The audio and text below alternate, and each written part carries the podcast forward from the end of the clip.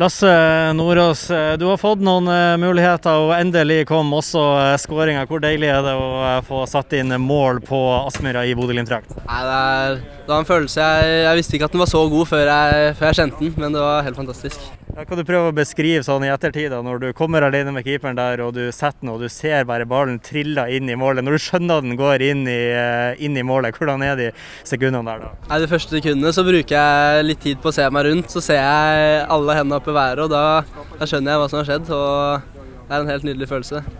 For Du tenker kanskje ikke det ute på banen, men du hadde jo en ganske stor sjanse rett før som var en enorm redning av keeperen. Så er det jo sikkert surt at den ikke går inn. Da må det kjennes ganske godt at, du, at det går inn like etterpå igjen. da. Ja, selvfølgelig. Og det er, det er noe jeg har lært meg de seneste åra, er å ikke grave meg ned etter sånn, og heller bare tenke neste.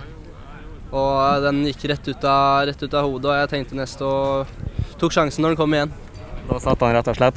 Du, du har sikkert fått med deg litt av Bodø-Glimt fra 2020-sesongen og sett at eh, de her kampene med fem, seks og syv mål, det var, det var nesten så de kom på løpende bånd på Aspmyra. Hvor deilig var det å få lov til å være med på en sånn kamp nå òg, da? Nei, det, I fjor så var det ikke akkurat det jeg tenkte at jeg kom til å være med på, men selvfølgelig er det veldig gøy. Nå sitter du her, og du, da regner jeg med du er fornøyd med valget om å komme hit. Jeg, foreløpig er jeg nok det, og det tror jeg nok jeg kommer til å fortsette å være.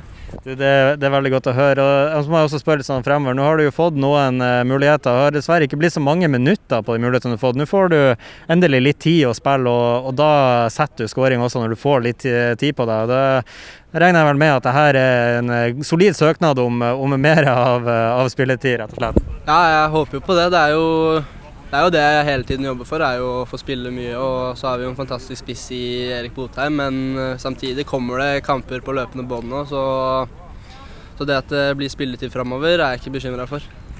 Takk for det, Lasse, og igjen gratulerer med skåring Bodø-Glimt-drakt.